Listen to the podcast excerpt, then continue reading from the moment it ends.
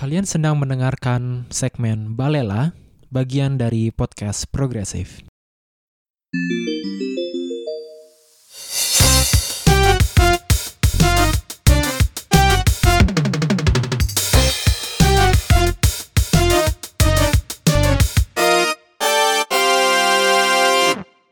Halo Sobat Progresif, selamat pagi, siang, dan sore di mana pun kalian berada. Kembali lagi di rubrik Balela dalam episode spesial Balela Menjawab bersama saya Akid. Saya Geraldus. Dan saya Caska.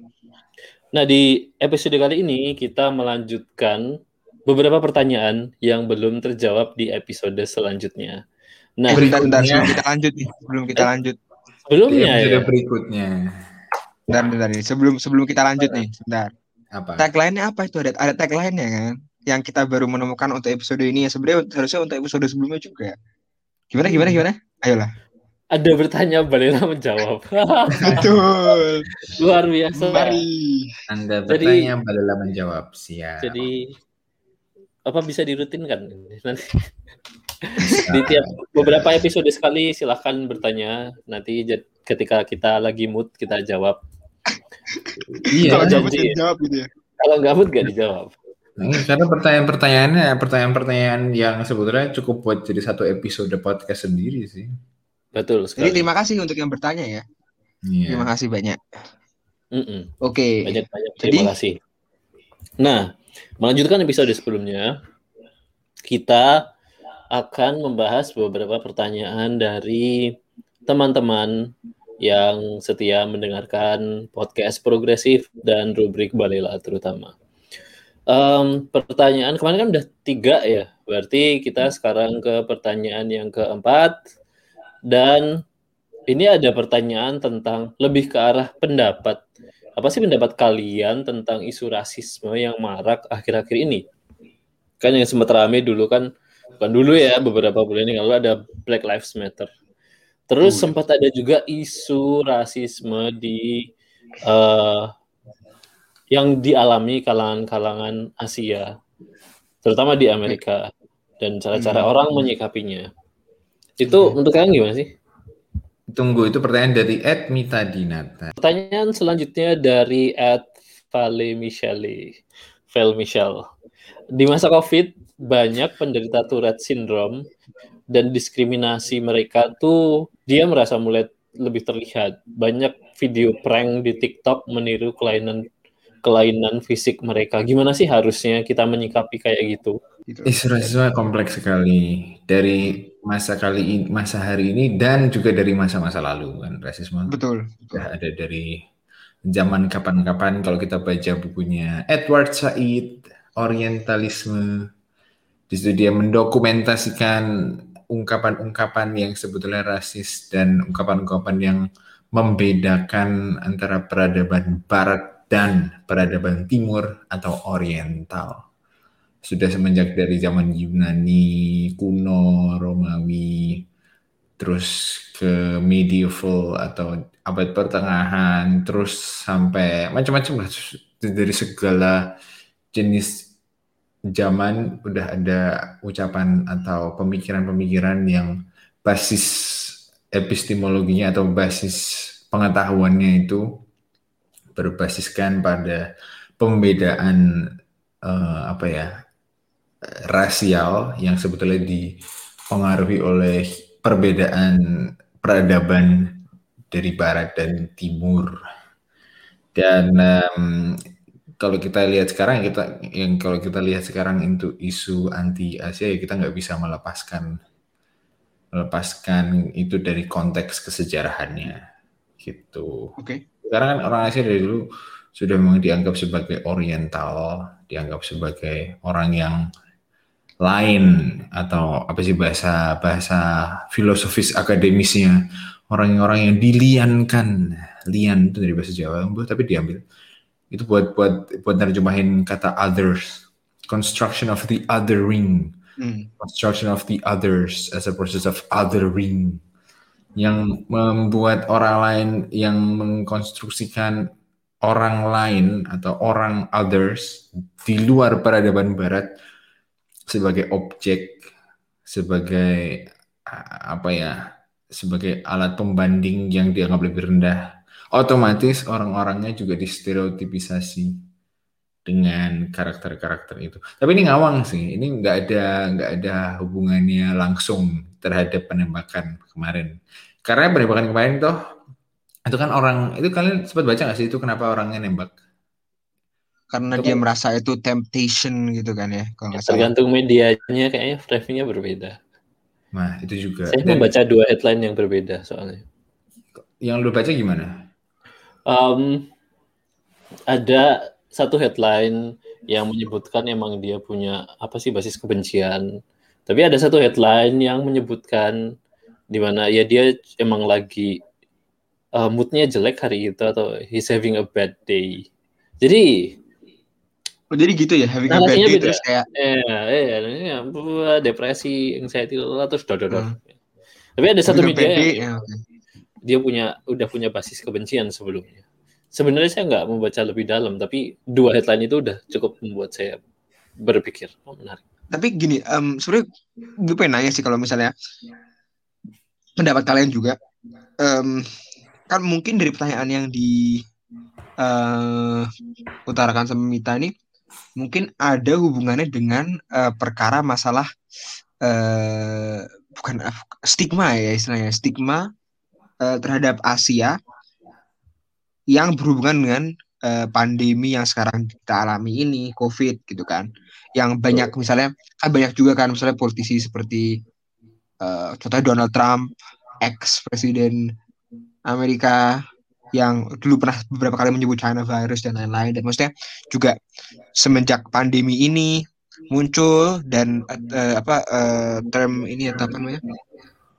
Ya kata China virus ini beberapa kali dipakai memang meningkat um, apa namanya hate crime atau ya apa, karena ya, menurut menurut menurut majalah Atlantik juga ada survei ada survei, ada survei yang menanyakan kepada warga-warga Amerika keturunan Asia, terutama keturunan Cina ya.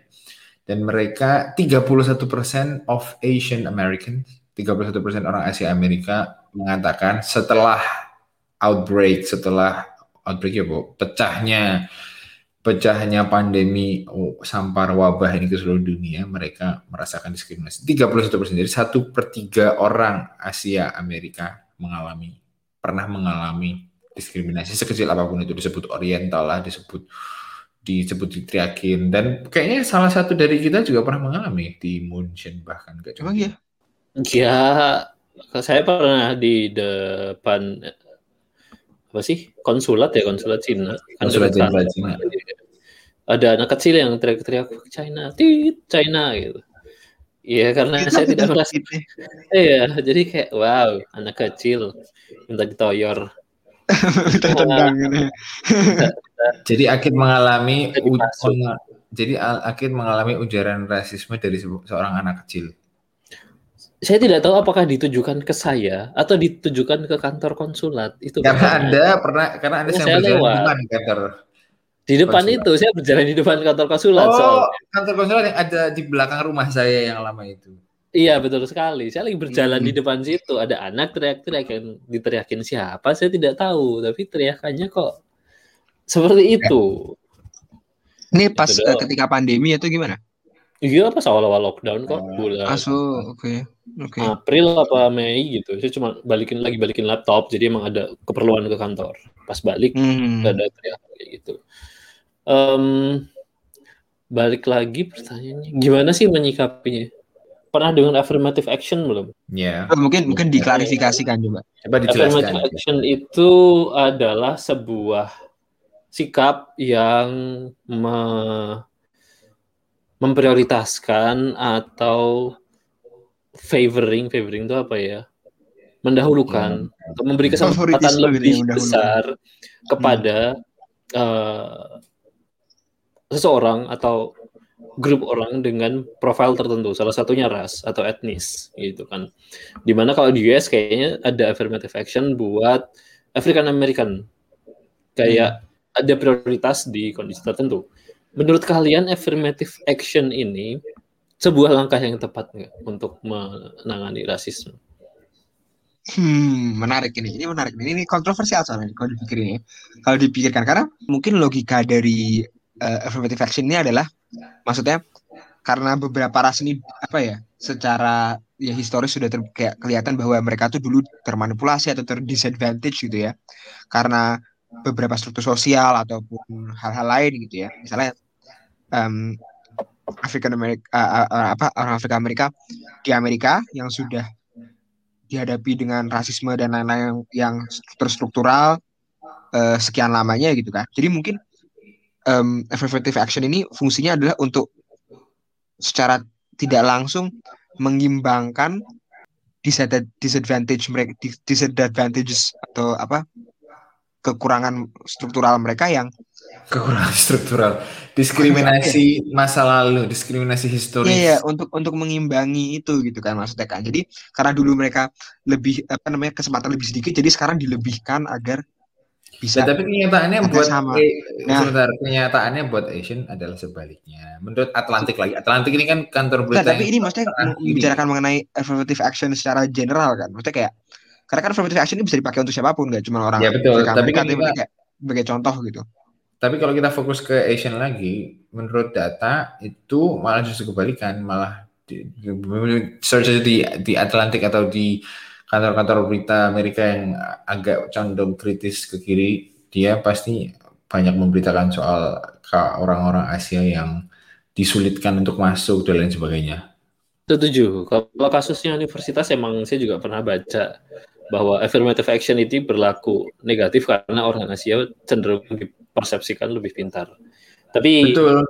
Dia itu Tapi malah kan, orang Asia itu lebih cenderung dipersepsikan sebagai orang putih. Makanya banyak yang bilang di white banana. wash, di white banana, wash. yellow outside, yeah. inside. Dan... Jadi secara logika sebenarnya logis ya kan? Karena dulu mereka terdisadvantage siapa pun rasnya itu terdisadvantage jadi mereka mau mengkompensasikan sekarang dengan affirmative action kan.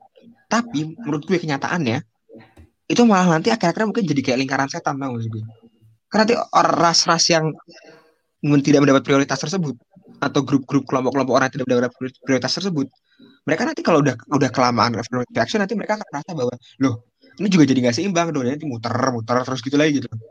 Dan juga gue nggak punya solusi yang solid mungkin ya atau solusi yang praktis yang langsung bisa diterapkan. Tapi yang jelas ini bukanlah bukan seharusnya menjadi solusi akhir.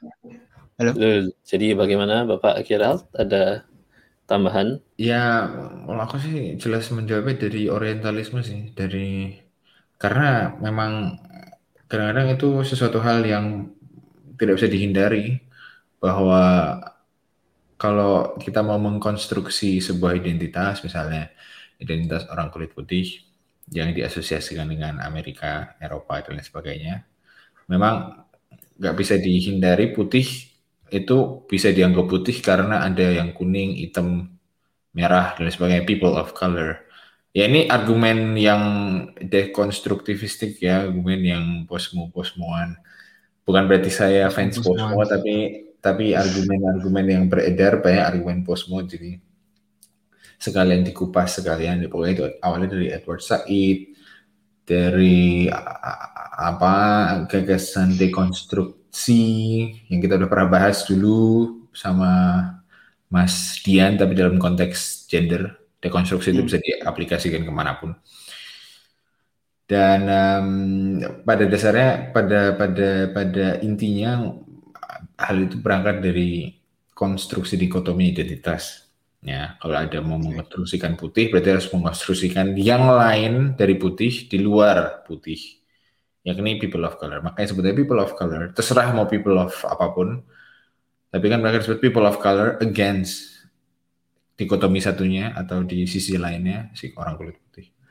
Jadi, Jadi masuk kayak... dari, dari dari konstruksi identitasnya aja itu udah apa ya, udah udah sulit untuk tidak menuduh bahwa hmm. sudah sedari awal memang ada potensi besar untuk ke arah diskriminasi karena memang hmm. untuk mengkonstruksi identitas sendiri aja kita butuh kadang-kadang apa ya, orang orang di luar dari identitas kita tapi toh masalahnya kan banyak nggak semua orang kayak gitu toh gara-gara sis gara-gara pendidikan orang menjadi tidak ya. perlu mengkonstruksi identitasnya dirinya sebagai orang kulit putih misalnya orang kita kita ngalami sendiri di Jerman dan lain sebagainya kita kan jarang hampir jarang hampir nggak pernah mengalami kasus rasisme dari paling nggak dari teman-teman yang seumuran kita kan mereka udah betul, di, betul. mereka udah benar-benar nggak perlu merasa mengkonstruksikan identitas mereka sebagai orang Jerman atau orang kulit putih bahkan gitu. Hmm. Dan tadi teorinya berarti mirip dengan teorinya Sigmund Bauman ya, yang otherness, othering. Ya, Bauman ngambil dari situ lah. Lanjut. Tapi definisi othering tadi kan berarti kan terkait sama pertanyaan lain hmm. yang mirip kan. Definisi othering itu apakah berlaku untuk um, orang yang memiliki disabilitas kayak tadi yang dibahas Tourette? Hmm. Apakah dia termasuk others dan apakah ya. itu alasannya kenapa banyak yang menirukan mocking di TikTok untuk tujuan bercanda? Ya. Jelas sih, jelas. Karena othering itu prinsipnya kan tidak terbatas. Othering itu kan uh, yang yang dibicarakan uh, sama uh, oleh Sigmund Bauman dan juga kayaknya teori alterity itu juga alterity of the other itu juga um, atau ya otherness of the other itu juga di, sering dibicarakan sama Derrida kan ya, Jacques Derrida kan ya. Nah, iya tadi kan gue udah ngomong. Nah, nah um, itu tuh ya nggak terbatas ras sih apa pun itu yang yang enggak yang yang bukan yang yang lain ya bukan yang bukan kita sebagai individu pun sebagai kolektif ya kalau dalam dalam ada kan dis disability studies kan ada. Disability studies itu ada. Oh. Dan ada cari jadi itu kau pernah nonton kapan hari itu orang ya ada disabled person yang seperti akademisi dari ranah itu dari ranah disability studies yang sama Judith Butler. Judith Butler dia pengguna dekonstruksi dan pengguna metode itu untuk gender terus disabilitas juga menggunakan itu. Untuk ya maksudnya eh, yang other ini kan dia orang-orang disable bahwa mereka tidak mem, tidak menguasai eh, teknik apa ya teknik pergerakan hmm. satu. Kedua ya, bentuk fisik. Bentuk fisiknya lain ya kan? Bentuk fisiknya lain atau kurang. Bisa jadi uh, yang ya maksudnya yang terlahir tidak tidak memiliki kaki terlahir dan lain sebagainya. Terus hmm. di dalam dalam hal Tourette syndrome ini ya yang fisik ciri-ciri fisiknya meng, mengalami kelainan. Aku, aku nggak begitu ngerti kenapa tapi kan inti, intinya Tourette itu ada gerakan-gerakan yang gerakan ya, motoriknya motoriknya terganggu gitu kan ya, ya sepertinya ya iya kalau bahasa Indonesia latah tapi akut. Nah, bikin suara-suara gitu kan. Hmm. Ya itu jelas jelas lain daripada yang normal dominan. Karena intinya kan ada ada satu diskursus normalisasi kan. Kita menormalisasi satu kondisi tertentu bahwa ini loh human itu kayak gini dan sekali kita menganggap itu normal kita nggak akan mempertanyakan itu lagi kan karena itu hmm. dianggap normal jadi kita tuh nggak ngerti kita kita nggak tahu bahwa ternyata kita berjalan itu sebetulnya penuh teknik dan lain sebagainya yang orang-orang yang disable mungkin nggak nggak nggak akan tahu.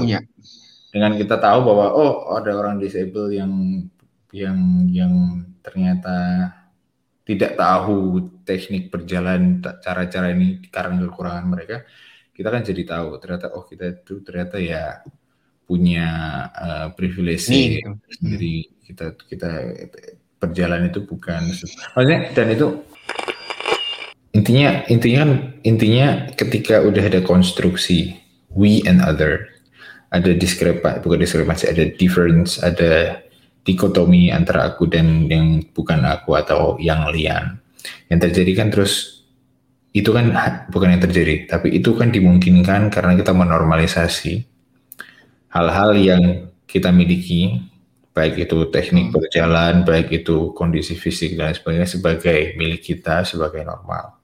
Dan kemudian karena itu kita merasa superior dari yang other. Kan permasalahannya adalah ketika kita merasa superior, superior. dari yes. other. Terus ketika setelah merasa superior kita bisa mem, mem, itu bisa memperbolehkan apa pun, bisa memperbolehkan perlakuan apa pun terhadap mereka yang kita anggap inferior, begitu kan?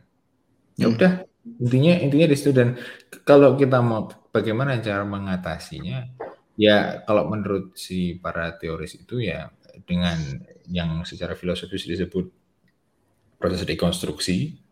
Proses dekonstruksi itu maksudnya kita harus mempertimbangkan bahwa yang other, yang lian, itu sebetulnya bagian konstitutif. Bagian konstitutif itu maksudnya bagian yang tidak bisa dipisahkan dari kita yang dominan, yang normal dalam tanda kutip. Karena toh kita yang normal tidak mungkin ada tanpa mereka yang kita anggap nggak normal. Hmm. Salah satu yaitu retorik, itu retorik ya jelas jelas kalau ada A ya pasti ada B A nggak mungkin ada tanpa ada huruf-huruf yang lain gitu dan hmm. dengan mengakui bahwa yang lian yang di luar kita yang di luar hal yang normal itu penting ya kita mulai belajar tuh kayak tadi aku sebut. Ya udah berarti kan dengan begitu kita tahu oh mereka butuh infrastruktur. Dan kedua mereka juga butuh infrastruktur sosial. Ya, jadi intinya kita setelah tahu bahwa orang yang ada di luar dari konstruksi normal kita itu juga pada dasarnya penting untuk kita sendiri. Iya. Untuk banyak hal. Ya sama kayak dengan Tourette syndrome dan lain sebagainya. Dan dan juga sama soal-soal soal soal anti soal rasisme, soal anti Cina, mau anti Cina, anti hitam dan lain sebagainya. Sama aja. Oke, okay, menarik. Apa yang bisa disimpulkan? Kalau dari bahasa terlalu teoritis gimana nyimpulkan? Apa yang bisa disimpulkan sebenarnya lebih sesederhananya adalah uh, mengakui bahwa perbedaan itu emang ada, tapi harusnya kayak tadi kalimatmu terakhir yang jadi masalah adalah ketika satu pihak menjadi merasa superior daripada pihak yang lain dan menganggap bahwa inferioritas itu bisa di manipulasi. bercandakan manipulasi um, eksploitasi dan segala macamnya. Ya gue pada pada akhir-akhirnya ini aja sih saling pengertian aja kan ya Wah, ya, semoga dan lain-lain. Menjawab pertanyaan dari Mbak Mita dan ini satunya lagi Mbak Michelle. Mbak Michelle. Mbak Michelle.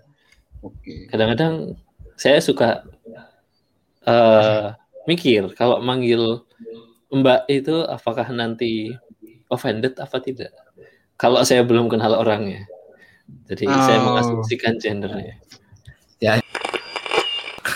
Eh maaf, aduh sensor. ya udah, kita di sini nggak boleh tiga korek, maaf. Nanti nanti di pip gitu kan gampang. Oh ya gimana? Uh, iya. Kalau gitu kita lanjut ke pertanyaan selanjutnya dari Ed Nova Raditya. Dia bertanya mengenai efek pembuat konten digital pada psikis anak-anak. Apakah oke okay kalau sebagian besar anak-anak bercita-cita sebagai pembuat konten? Karena pekerjaannya kelihatannya santai, uangnya banyak, ada kekhawatiran nggak? Dari gue sendiri setelah mendapat pertanyaan ini, kebetulan gue nemu ada orang di sosial media mengemukakan kekhawatiran yang sama. Dan dia hmm. mengutip ada beberapa survei di US sama di UK. Nomor satunya itu content creator atau YouTuber. Berarti kan tren ini udah nyata dong. Uh, terus nomor duanya blogger, nomor tiganya popstar, kemudian astronot sama pro athlete itu di US agak tinggi karena di US banyak pro athlete yang tajir kan. Tapi di UK hmm. nggak ada pro athlete. Jadi emang lokasi berbeda itu cita-cita anak berbeda. Tapi nomor satunya jadi youtuber atau content creator itu di mana-mana. Menurut kalian gimana? Mengglobal ya? Mm -mm, global. Ini kita pernah bahas gak sih dulu waktu ya, waktu diskusi sama Mas Pangeran Siahaan. Nah ini Mas karena dia kan lagi-lagi. Mas Pangeran Siahaan. Ya nggak sih? Pernah balas nggak? Pernah jawab nggak? Uh, cita-cita oh, belum sih. Bukan, bukan. Ada, tapi maksudnya kita ngomong dalam konteks perubahan teknologi. Mm -mm, Dalam konteks perubahan teknologi media. Benar, tapi waktu itu tuh ngebahas anak-anak itu lebih ke arah pendidikan. Iya bukan psikis, walaupun ada hubungannya tapi lebih bukan, tapi nggak ke psikis sih. Bukan ke arah cita-citanya gimana? Tapi ya, pertama-tama kita harus kita harus mempertanyakan kan, kenapa bisa cita-cita jadi youtuber itu mungkin atau jadi youtuber pembikin konten dan sebagainya? Karena karena ada medianya, Karena ada kemungkinan teknologis infrastruktural yang membuat kita bisa mengadakan itu sebagai pekerjaan, toh. Iya. Nah, dan yang menanya ini kan sebenarnya kelihatannya punya pandangan kritis kan ya. Apakah oke? Okay? Ada ke kekhawatiran tidak? Kira-kira berdampak negatif tidak gitu kan? Hmm. Nah, nggak um, tahu. Bisa nggak tahu bisa dampak negatif atau positif kurang tahu barangkali kalau berdampak negatif berarti maksudnya kalau kira-kira semua generasi maunya dapat uang gampang dan lain sebagainya dari bikin konten itu kan maksudnya. Kalau pada itu satu, berarti dari segi motivasional. Dari segi psikis, segi psikis itu maksudnya ini um, ya segi psikis misalnya kalau di sosial media itu kan sekarang banyak nggak cuma anak kecil ya tapi juga apa namanya young adults uh, remaja ya. Remaja dan lain kan juga merasa tertekan karena di sosial media dan lain-lain apalagi oleh para influencer konten kreator pembuat konten dan lain-lain mereka kan kesannya kan hidupnya selalu heboh selalu sukses gitu kan. Semuanya selalu bagus gitu kan. Mereka liburan banyak uang ya kan. Temannya banyak hidupnya happy terus ke sana gitu kan. Dan itu membuat um, suatu sebenarnya suatu ekspektasi yang bisa dikatakan nggak realistis tidak realistis dan juga menekan untuk para remaja dan lain-lain. Karena mereka ekspektasinya adalah oh kalau bisa dibombardir dengan sebanyak banyak konten seperti itu di, sos di sosial media berhari-hari sepan sepanjang hari karena kira-kira mereka merasa bahwa oh yang normal tuh harus gini jadi mereka akan mulai membanding-bandingkan tuh dan setelah membanding-bandingkan mereka merasa bahwa oh kok kayak gak pernah cukup jadi mereka jadi merasa apa ya, tertekan karena mereka tidak bisa di level itu gitu yang itu kan sebenarnya juga masalah psikis kan ya masalah apa membuat apa ya meningkatkan masalah depresi juga insecurity dan lain-lain gitu kan. Maksudnya ini juga apa? Um, jadi dia memposisikan kalau pakai kita pakai diskursus yang tadi othering, jadi dia memposisikan dirinya sebagai yang the othering. Jadi yes, betul. Karena yang dianggap oke. Okay.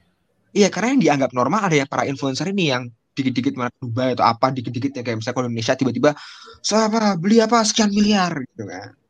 Yeah. Terus tagnya gede warna kuning gitu kan dengan yeah. estetis yang dipertanyakan mungkin yeah. Iya. saya ya ini pribadi ini pertama pertama-tama berarti kita harus benar-benar ngeliat dari media karena perbedaan media media sekarang yakni media elektronik dari media-media sebelumnya media sebelumnya ada satu bahasa kedua media tulis di batu prasasti ketiga media cetak di print pakai kertas yang keempat oh, seperti minggu lalu ya berarti ya nah seperti yang minggu lalu kita bahas Perbedaannya kan sebetulnya media cetak, media elektronik itu sebetulnya hanya meng, meng, meng, membuat eksesif ketersediaan informasi. Yang sebelumnya juga udah eksesif dari media cetak ya toh. Bahwa konsekuensi konsekuensi direct atau konsekuensi langsungnya adalah ketika informasi yang beredar eksesif dalam arti semua orang bisa punya mulut untuk ngomong ke publik, sebelumnya kan nggak semua orang punya akses ke publik. Ini yang, hmm. ini ini yang kita omongin dari tadi kita ngambil sumbernya kayak minggu lalu ya ini kelas Luman dan dia pikir sebelumnya kan masih terkurasi tuh ada koran, buku, ada media-media tertentu. Ya paling kalau nggak terkurasi paling selebaran-selebaran yang kamu tulis dan nggak ada kredensialnya itu ya. ada mudah terseleksi lah. Kalau misalnya ada selebaran kita temu di jalan, oh ayo kita revolusi, gitu nggak ada yang percaya. Karena yang dulu siapa kan gak ada yang tahu. Iya. Nah, sedangkan sekarang kita punya medianya untuk memungkinkan orang-orang semua orang untuk, untuk uh, ngomong seperti kita, seperti kita sebagai podcast misalnya, ya kan? Kita hmm. kita kredensialnya apa? Anjay, ya ada. ada kita suka baca, guanya juga mempelajari, mempelajari filosofi di sekolah, si Caska juga mempelajari bisnis, si Akid praktisi dalam bidang teknologi dan lain sebagainya. Kita juga punya kredensial. Tapi kan nggak ada mengkurasi kita, ya kan? Nggak ada yang ngerem, nggak ada nggak ada lagi proses intermediasi yang tadinya diambil oleh editor dan lain sebagainya. Yaitu intermediasi antara publik dan uh, otak atau hasil pemikiran Hmm. Nah, ketika itu sudah terjadi bahwa ada overflow, ada overload of content, ada di podcastnya Pangeran Seaan di cukup menarik kalau nggak salah dia ada ada judulnya Ideas are now cheap or something like that. Karena yeah, yeah. apalagi dalam adalah apalagi ada clubhouse dan lain sebagainya tiap orang bisa nge-live ngomong dan bikin talk show sendiri berarti kan yang yang terjadi di sini peningkatan kuantitas tuh terserah mau kualitasnya bagus atau enggak tapi ketika kuantitas naik hukum alamnya yang inevitable yang tidak bisa dihindari adalah kita harus kita harus bagaimanapun caranya ya mungkin kita harus bagaimanapun caranya mendapatkan perhatian sensasional. Ya makanya pada video-video youtuber yang terkenal pasti sensasional. Seperti siapa? Atta Halilintar hmm. atau siapa lagi sih yang bisa kita sebut? Deddy tahu saya bukan jadi Corbuzier itu kan semua jadi Corbuzier misalnya awalnya pengennya hmm berisi, pengennya bermutu. Tapi kan lama kelamaan juga nggak bermutu. Akhirnya gara-gara dia tahu sendiri bahwa ini nggak akan bisa dimenangkan pasar ini nggak bisa dimenangkan. Karena pasarnya iya sih. Dan maksudnya itu jadi lingkaran setan nggak sih? Oh, iya. Jadi lingkaran setan nggak sih? Berarti kayak kalau, kalau misalnya misalnya pembuat kreat konten pembuat ke kontennya um, ingin um, menyediakan sesuatu yang berkualitas tapi pasarnya pun sedikit atau tidak ada akhirnya kan harus mengikuti pasar kan tapi pasarnya yeah. juga nanti berarti ter, terdampak dengan konten yang buruk itu kan. Dan nanti gua jadi terdampak jadi semakin buruk. Bisa jadi atau bisa jadi skenario kedua ya malah justru meningkat pasar untuk penyedia konten-konten yang bermutu seperti misalnya langganan-langganan koran kan koran udah mulai mengerti soal konten-konten online media elektronik jadi mereka kan banyak yang mulai switch ke atau mulai mengadaptasi juga metode media elektronik kan dan sekarang kan hmm. juga banyak yang banyak yang mulai apa ya semacam gerakan tanpa pemimpin untuk mengikuti lagi berita-berita yang ngeh kan, yang dari hmm. tadi dari dari dulu kita mendengar anti hoax dan lain sebagainya. Tapi kan dalam dalam konteks konten entertainment, ini kan yang kita ngomongin dalam konteks entertainment. Hmm. Dalam konteks entertainment ya udah nggak akan mungkin hilang ini. Yang yang section tidak bermutu pasti akan ada karena. Iya sih itu buat buat itu konteksnya lebih kompleks lagi dan um, ya ini maksudnya dari tadi kita jelasin untuk menjawab pertanyaan kenapa hal ini mungkin kenapa kenapa ada mungkin pekerjaan sebagai content creator creator dan lain sebagainya dari dulu kayak dari dulu sampai sekarang anak-anak itu memilih kalau dulu survei mau karir jadi apa gitu kan mereka tuh milih yang keren yang oke okay, tapi masih achievable. Jadi kayak di lingkungan sekitar mereka apa sih yang keren? Kalau tadi kata Gerald kan emang media sekarang itu me memungkinkan adanya persebaran informasi secara masif kan dan global. Jadi bisa jadi buat anak-anak zaman sekarang, kebetulan saya belum punya anak juga, bisa jadi menurut mereka tanda-tanda ini. Coming soon. Coming soon coming soon, coming soon. nemu di jalan nih wih ada anak kecil bawa pulang. Maksudnya mungkin buat anak-anak zaman sekarang yang konsumsinya itu digital youtuber itu adalah profesi yang mereka lihat keren dan masih memungkinkan untuk dilakukan quote unquote achievable. hmm Ya kalau mereka milih jadi astronot tapi di lingkungan keluarga sekitar teman dan segala macamnya nggak ada yang jadi astronot kan nggak bakal kepikiran juga sepertinya. Tapi iya kalau iya youtuber, konten creator, kayaknya sekarang anak-anak remaja juga udah banyak yang main TikTok, terus eh oh, iya. banyak gitu, gitu kan ya. Terus uh, sponsor-sponsor gitu kan, influencer-influencer, jadi mungkin merasa dekat kali ya. Dan kalau saya pribadi sih merasa kayaknya sih market juga nanti bakal mengkoreksi diri sendirinya kalau minjem invisible handnya Adam Smith Aduh. ya market juga market juga bakal correct the trajectory ketika semakin hmm. banyak content creator tentunya demandnya kalau supply-nya terlalu banyak demandnya terlalu tentunya jadi murah kan dan mungkin jadi kalau tipe kontennya juga okay.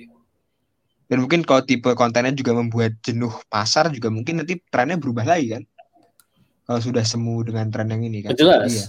Contohnya gini deh, apa namanya? Ini mungkin sedikit tidak relevan, tapi contohnya gini deh. Dulu kan Indonesia terkenal banget, banyak yang download torrent, beli video bajakan dan segala ah, macam. Uh-huh. Tapi dengan adanya Netflix, kemudian Disney Plus, HBO, kita bisa berlangganan via pulsa, via debit card dan segala macam, dipermudah untuk mendapatkan uh, akses yang legal, akses yang lebih berkualitas ternyata rasio yang bajak sama yang subscribe di Indonesia tuh termasuk yang cukup bagus di Asia dan Asia Tenggara. Oh gitu ya. Mm -mm, mm. Bagus Gue lupa rasionya berapa, tapi kita kayaknya hampir on par dengan Singapura rasionya. Oh, dari jumlah orang tentunya banyak, tapi dari rasio lumayan. ya? Tapi ini nggak termasuk yang menyalahgunakan family plan buat sharing plan hmm. sama tetangga atau stranger ya. Tapi intinya willingness buat mendapatkan konten yang lebih baik itu ada dibuktikan. Ada betul betul. Ya bagus bagus berarti itu salah satu yang bagus sih. Tapi satu tambahan sebenarnya kalau dari gue, menurut gue ada sisi negatifnya yang tadi yang gue bilang kembali lagi ke masalah ekspektasi dan lain-lain. Kan ini gue juga baca dari orang profesor di bidang media ya, Profesor Dr. Petra Grimm dari Hochschule der Medien Stuttgart. Uh, dia menyebut bahwa um, yang kalau di influencer-influencer ini yang di Instagram atau apa pun itu yang kesannya selalu ah hidup tuh selalu heboh, selalu sukses dan lain-lain dan kan sama sekali nggak ada kegagalan di situ kan. Kegagalan itu bisa di tabu lah untuk diperlihatkan gitu kan sebagai influencer kan. Hal itu tuh memiliki dampak bagi identitas kaum muda karena juga um, kaum uh, kaum muda di remaja-remaja apalagi yang kayak bukan anak kecil ya mungkin ya, mungkin yang sudah mulai belajar dewasa, kalau misalnya mereka terlalu terpaku dengan seorang influencer, mereka mungkin akan sulit untuk mengetahui keinginan mereka sendiri itu argumen dia. Jadi apa ya istilahnya ya? Kan banyak kan yang sampai obsesi dan lain-lain kan. Jadi dengan obsesi itu tuh karena tidak sehat karena itu karena tidak ini. Kenapa? Karena mau memikri mereka yang membuat konten. Jadi akhirnya mereka memimikri. Iya.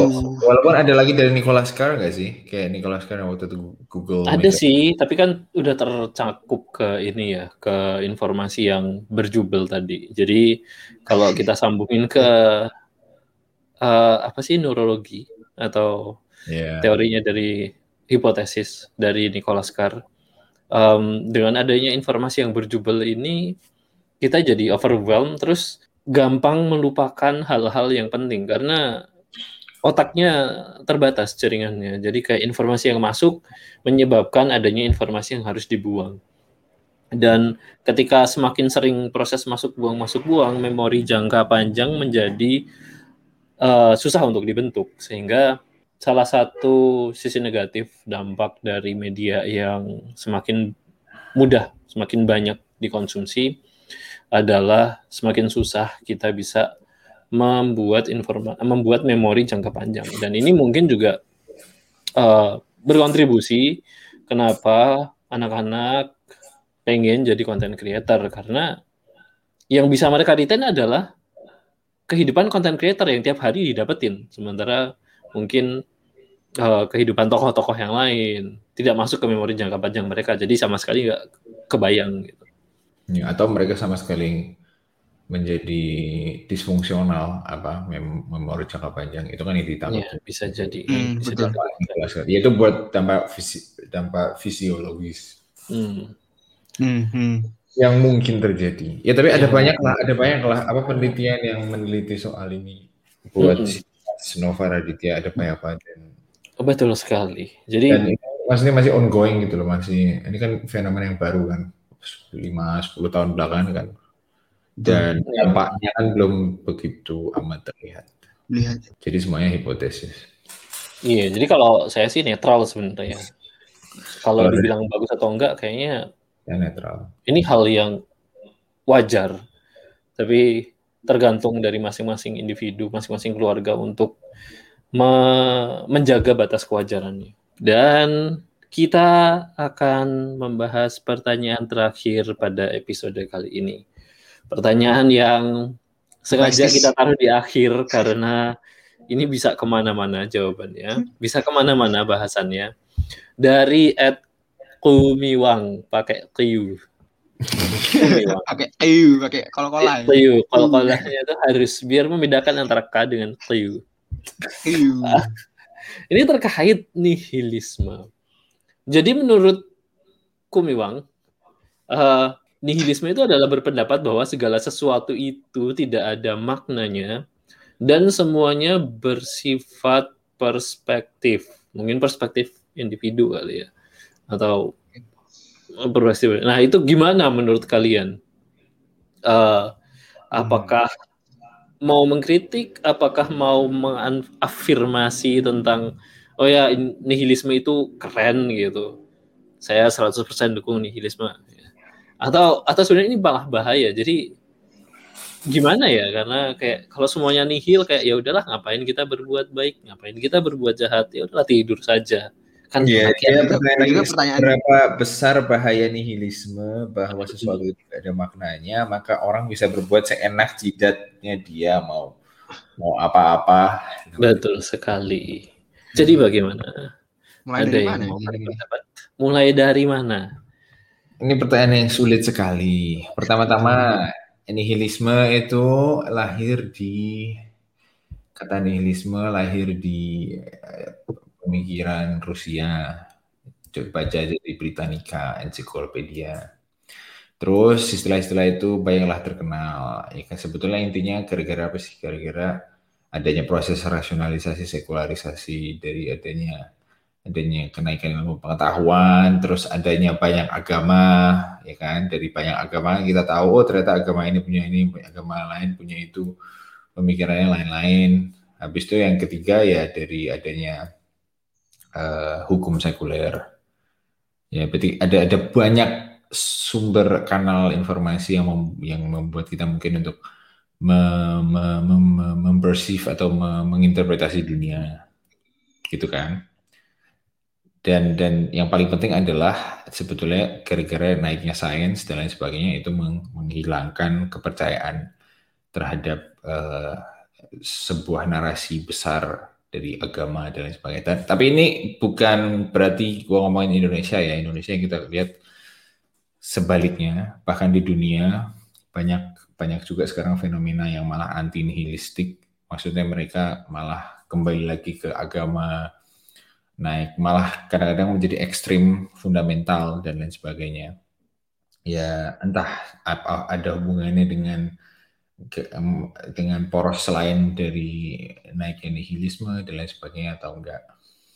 Um, terus kenapa sih Nietzsche itu bisa ngomong bahwa nihi bahwa atau kenapa sih Nietzsche itu bisa berpikir secara nihilistik? Sebetulnya karena itu metode filosofinya dia. Dia kan punya dia punya metode namanya genealogi kan genealogi itu kayak miripnya mirip sejarah gitu. Cuman intinya kalau genealogi itu dia ingin mengubah struktur realitas yang udah ada. Karena dengan mengetahui bahwa setiap realitas atau bisa dispesifikkan setiap praktik budaya, hukum normatif, apalagi hukum terutama moral, apalagi yang sifatnya normatif tapi tidak perlu ditulis, normatif tapi maksudnya ranah etika, itu ternyata ada asalnya, ternyata ada konteksnya. Jadi intinya kita nggak usah masuk ke dalam, dalam filsafatnya lah yo. Susah juga menerang ini. Intinya ketika kita mengkontekstualisasi segala kepercayaan, segala moral, segala ini, lama-lama yang kita bisa mempertanyakan semua. Lama-lama yang kita bisa mempertanyakan karena ini, oh ini kan tergantung ini kan ajaran ini lahir gara-gara ada ini, ajaran ini lahir gara-gara gara-gara ada peristiwa ini. Nah pertanyaannya kan berarti kan eh, menjadi moral kemudian nggak ada karena moral juga lahir gara-gara ada situasi tertentu. Kalau di Indonesia ya tulisannya yang genealogi apa sih, yang sites di gue ngerti bahasa Indonesia tapi bahasa Inggrisnya Beyond Good and Evil tulisannya dia. Terus ada satu lagi genealogy of morality if I'm not mistaken. Gitu. Dan dia di situ ngomong bahwa moralitas itu pada dasarnya ciptaan untuk melindungi orang lemah, untuk melindungi orang yang uh, seperti nilai-nilainya selflessness, kemudian nilai-nilai apa lagi? Uh, nilai-nilai rendah hati, jangan sombong, kita harus berdoa yang banyak instead of working a lot dan lain sebagainya.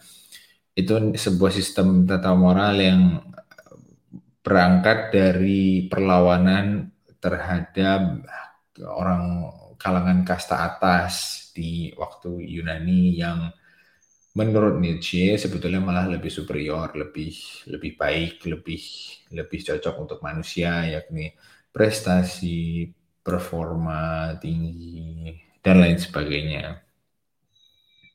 Jadi uh, ya intinya ketika ketika kita mengkontekstualisasi, mencoba mengkontekstualisasi, mencoba me, me, apa ya, memposisikan sesuatu relatif tergantung dari konteksnya.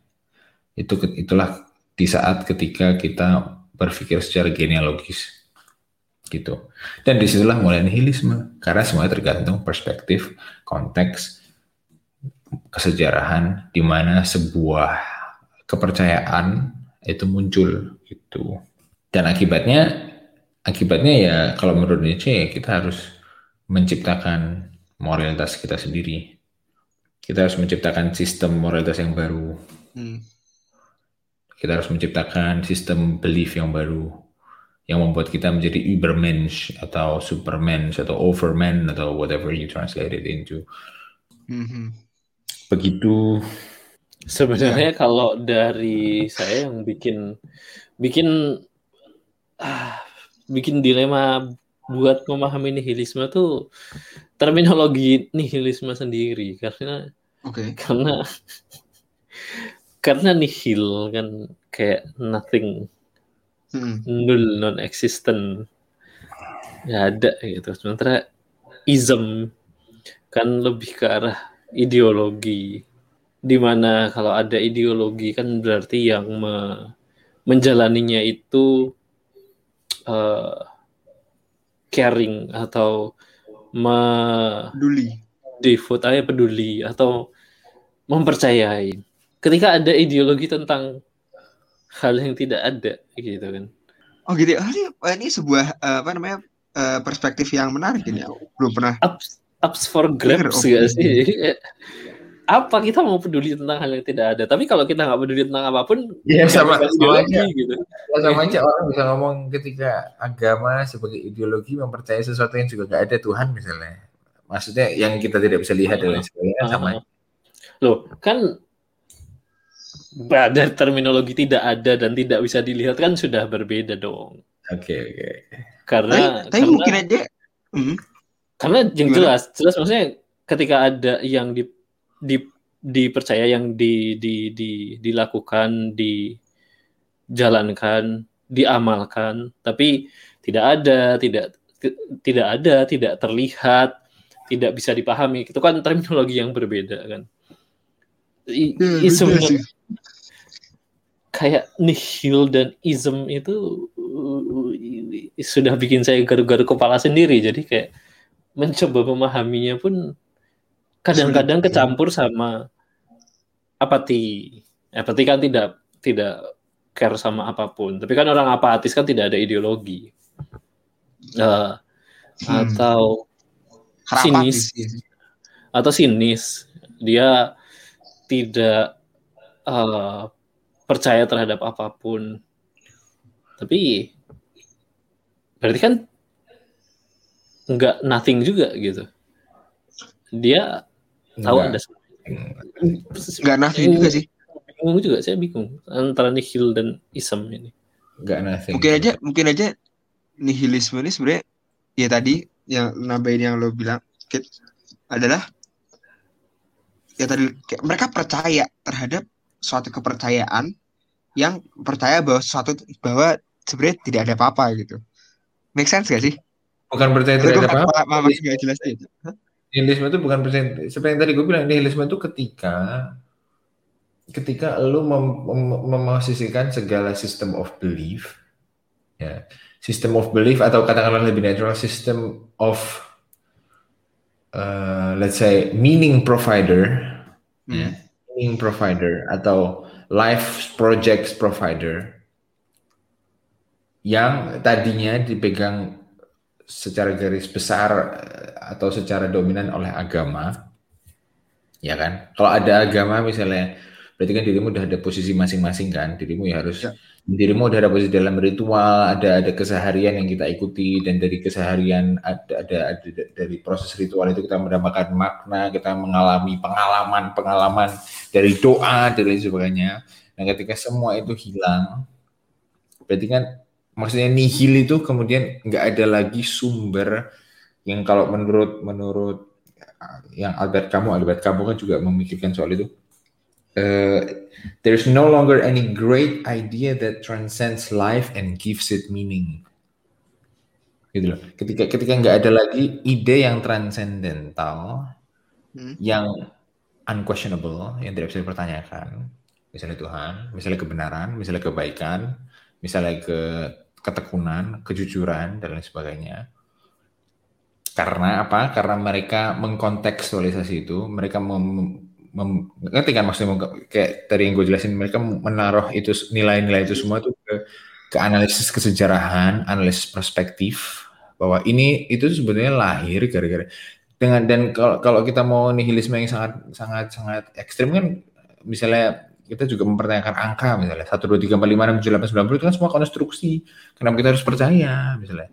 Hmm. sama kayak itulah sama kayak itulah. Kebaikan juga itu konstruksi kenapa kita harus percaya. Jadi itu itu bukan pegangan yang nyata lagi nah itu namanya nihilisme tapi bukan bukan kepercayaan terhadap sesuatu yang enggak ada tapi maksudnya itu ke, kondisi ketiadaan pegangan apa pun nah itu dia nah kalau di, di kalau di programming ada yang namanya rekursif kan jadi mana oh. dia memanggil dirinya sendiri, memanggil dirinya sendiri. Tapi nihilisme ketika dia menihilkan ideologi. Makanya apakah hmm. nihilisme ini khusus buat menihilkan ideologi selain daripada dia sendiri? Agama, kepercayaan, sistem pemerintahan, segala macam. Apakah atau dia juga menihilkan nihilisme itu sendiri? Gak bisa gak sih? Maksudnya kayak menihilkan. Ketika dia, makanya nihilisme ini apakah tebang menebangnya itu spesifik kayak tadi kamu bilang agama gitu atau hmm. set of rule yang dipegang buat transcends bla bla bla tapi ketika orang-orang ini megang nihilisme sebagai set of rules yang trans yang giving life meaning. Apakah nihilisme ini mempertanyakan nihilisme itu sendiri? Enggak karena nihilisme tidak berniat untuk ke gimana ya? Ya berniat juga tapi maksudnya nihilisme itu mempertanyakan bukan mempertanyakan tapi ya mempertanyakan set of belief, set of meaning provider yang sudah ada dan mencoba untuk menciptakannya sendiri. Oh, Oke. Okay. Jadi, Jadi segala sesuatu yang muncul setelah dipertanyakan itu tidak masuk ke nah, yang ada dipertanyakan oleh nihilisme. Ada pertanyaan, ada perbedaan nihilisme positif dan negatif. Oke. Okay. Umberto Galimberti, filosofi Italia, membuat Italia pada nihilisme negatif itu ketika mempertanyakan semuanya, udah akhirnya bunuh diri, akhirnya meaningless, oh, okay. akhirnya I don't know ngelukai orang lain dan lain sebagainya. Uh. Nihilisme positif itu ketika udah tahu kita nggak ada apa nggak ada apa pun yang bisa kita pegang, terus kemudian mereka menciptakan normativitas yang mereka sendiri, mereka menciptakan project hidup mereka sendiri gitu loh. Mereka me, I don't know, mereka me, me, kalau bahasanya saat mematerialisasi diri mereka sendiri. Dan itu sudah tidak ditanyakan sama nihilisme lagi. Nah, kalau udah itu enggak, karena nihilisme kemudian menjadi sesuatu yang kreatif, menjadi dia menciptakan narasi, menciptakan narasi sendiri gitu. Oh, nah, kanvas kosong kan ya? Udah iya kanvas kosong terserah mau ditaruh apa gitu apa ya life as uh, creative project kalau nggak salah istilahnya atau Fuku kayaknya ada ada aku lupa kalimatnya. Emang life is a creative project kamu ya bukannya Fuku kan? Kalau pernah bilang. Ya, udah dari dari dari dari Nietzsche ya dari Nietzsche hmm. akarnya kan Nietzsche Übermensch itu akarnya kan uh. over overman itu apa? Jadi ya kalau kita buat kita mungkin nggak begitu berlaku karena kita tuh tidak bukan nihilis kita kita kan bisa dikata kita percaya ada moralitas tuh.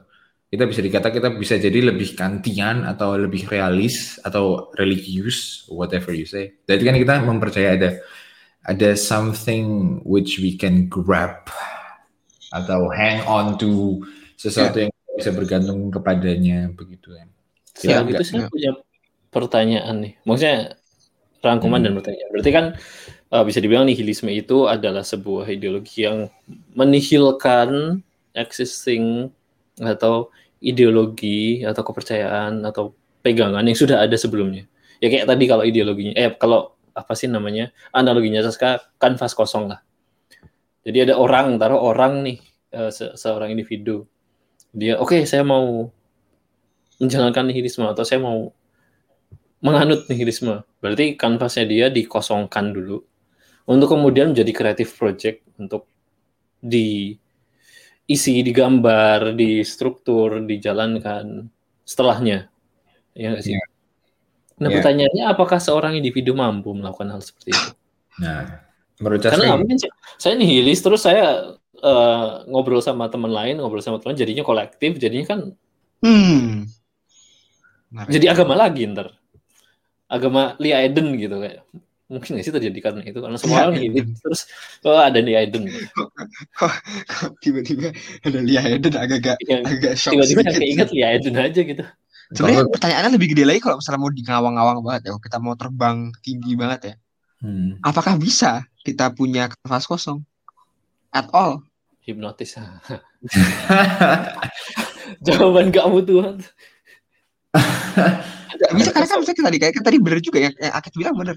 Kita ngomong sama orang aja itu sudah ada kemungkinan ada kayak basis ya, ada basis bias ada basis moral yang ter ter apa ya ter terikat di situ yang mungkin kita nggak nyadar gitu kan aku ngomong ke kalian ya aku bisa ngomong aku ini ada moralnya sendiri atau apa gimana tapi kan secara langsung mungkin nggak nyadar bahwa kalian juga mempunyai suatu apa ya eh mengaruhi eh, aku juga dengan tidak langsung jadi ya. apakah bisa Oh, seseorang individu mengkosongkan menjadi tabula rasa itu apakah bisa? Itu perdebatan yang kita Gak akan berakhir ya. Enggak, kita tinggal membaca saja dari David Hume, John Stuart Mill, kan begitu-begitu. Okay. Descartes. Jadi ya itu dia masalahnya. Ada dua selalu ada dua kubu yang ya harus baca harus baca sendiri kalau gue pribadi nggak mungkin nggak mungkin bisa karena gue lebih lebih setuju sama Kant dari sisi intersubjektivitas I don't know intersubjektivitas segalanya. Maksudnya ketika kita sudah ketika kita sudah masuk ke dunia masyarakat ma manusia kan homo zoon politikon kan exactly. iya makanya. sosial. Homo apalagi? Homo sosial itu homo zoon politikon kan iya. Dan ketika kita masuk ke dunia bersama masyarakat udah nggak bisa nggak ada yang namanya atau jangan masyarakat deh dunia interaksi bersama keluarga. Itu kan udah langsung kita udah langsung mengerti sesuatu yang nah. sesuatu yang apa ya sesuatu yang ya dari dari lahir itu udah ada kebaikan imanen yang ditanamkan dari orang tua misalnya orang tua iya. kita. Secara sublim mungkin juga. Secara sublim gitu dan ya ketika ketika kita menjadi nihilis itu murni karena itu murni mekanisme intelektual sebetulnya murni kita mampu membuat genealogi yang mempertanyakan seluruh halnya gitu.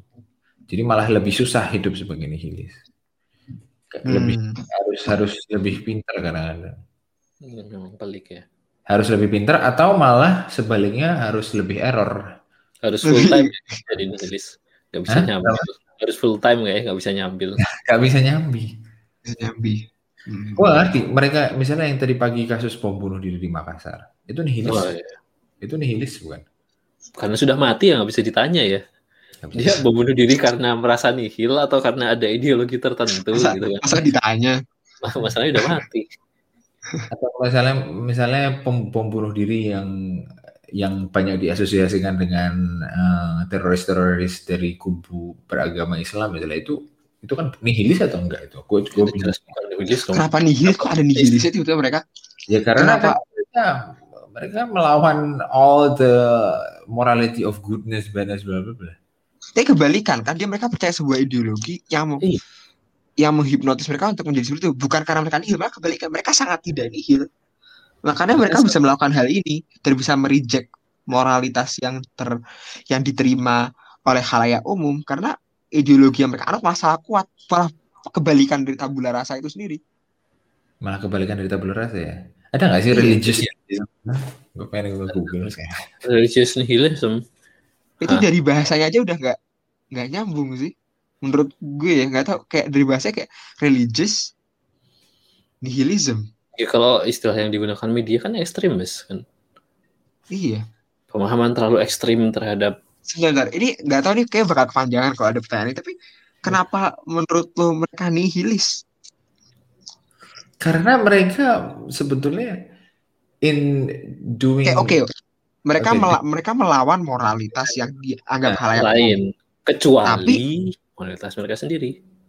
Nah tapi mereka kan nggak blank. Mereka bukan kayak oh iya kosong tapi, gitu.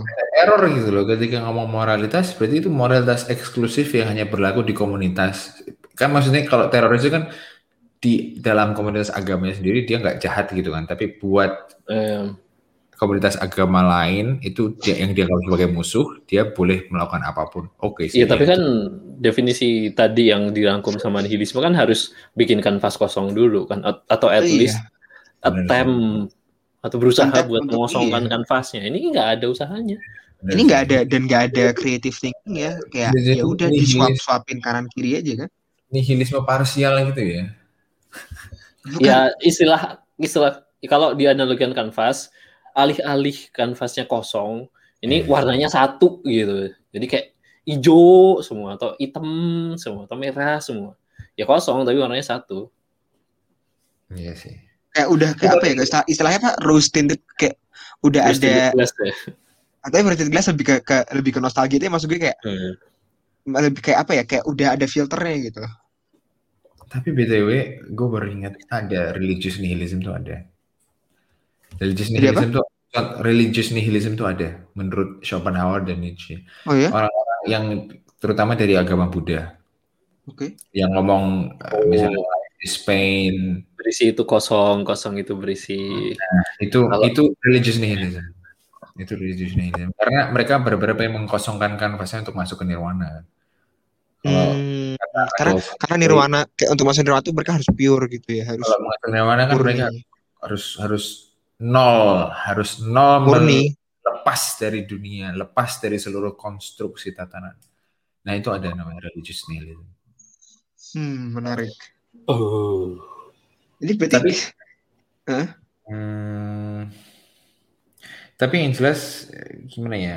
Kalau kita kembali ke menjawab pertanyaannya dia deh, bahaya nggak? Karena ini susah juga. Gitu. Kita bahaya juga. Bahaya juga ya, gimana gitu. Bahaya berarti tadi tergantung kan. Terga kalau religious nihilism ya nggak bahaya. Karena bahaya. akhirnya menseklusi diri ke gua atau ke kloset gitu kan atau ke ke ke dalam lubang kloset kalau muat. Dan lain sebagainya. Yang nihilisme bahaya yang negatif nihilisme itu tadi yang yang yang menganggap bahwa dunia is meaningless dan akhirnya ya tapi sebetulnya dalam eh, paradoksnya ya ketika mereka negatif nihilisme itu kan mereka tetap menciptakan makna untuk diri mereka sendiri kan. Nah, iya itu betul. Orang lain itu kan menciptakan negatif. Iya betul. Dan sebenarnya gini, sebenarnya pada satu sisi juga positif nihilism. Positif itu berarti kan mereka yang mereka sadar bahwa oh hidup itu kayak kosong, jadi ya udah kita membuat apa pengalaman terbaik aja dari hidup yang pendek ini kan, gitu kan? Kalau yang positif nihilism kan.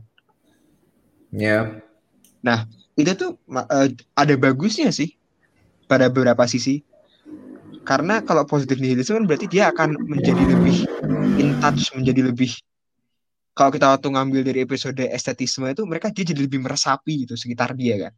Yeah. secara sensoral tuh dia lebih fokus gitu which is yang itu menurut, menurut gue personal secara pribadi sih bagus karena dia lebih merasakan hidup.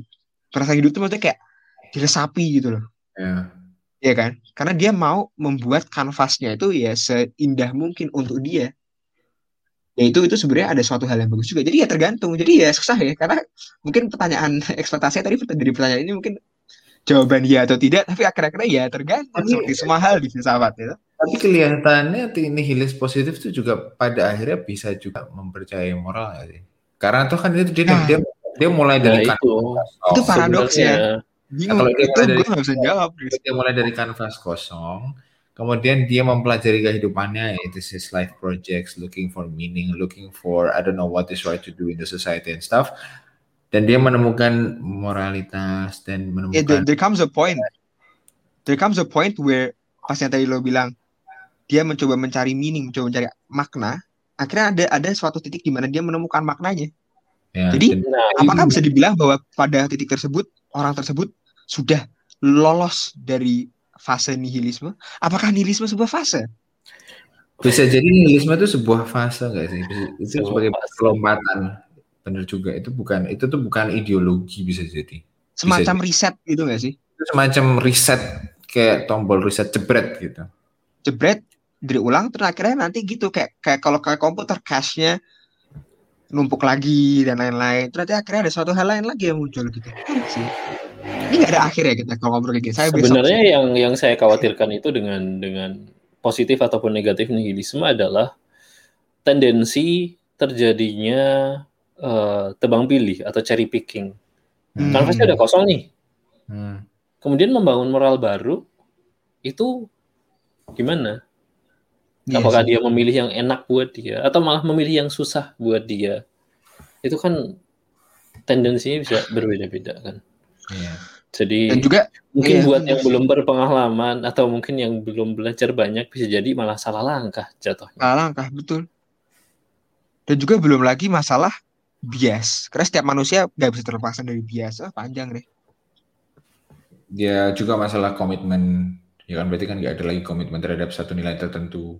Dan itu udah banyak disebutkan uh, sosiolog siapa ya Charles Taylor kalau nggak salah dia nyebut fragilization of society dan sebagainya. Hmm. Ini. Ya intinya ya masuk ya kita makanya kita udah masuk di masa ya bisa disebut pasca modern, bisa disebut modern lam, modern tinggi dan lain sebagainya terserah. Tapi kita bukan lagi di masa modern klasik. Kita bukan lagi berada di masa modern klasik yang masih tetap ada, you know, narasi besar. Sekarang mungkin ya gara-gara ya awal titik awalnya nihilisme dan lain sebagainya itu membuat fragmentasi sedikit di masyarakat bahwa tiap-tiap ya tiap tiap-tiap hmm, punya bisa jadi punya life project sendiri yang menentukan normativitas mereka sendiri. Tapi pada dasarnya itu malah justru membuat institusi bisa jadi semakin penting.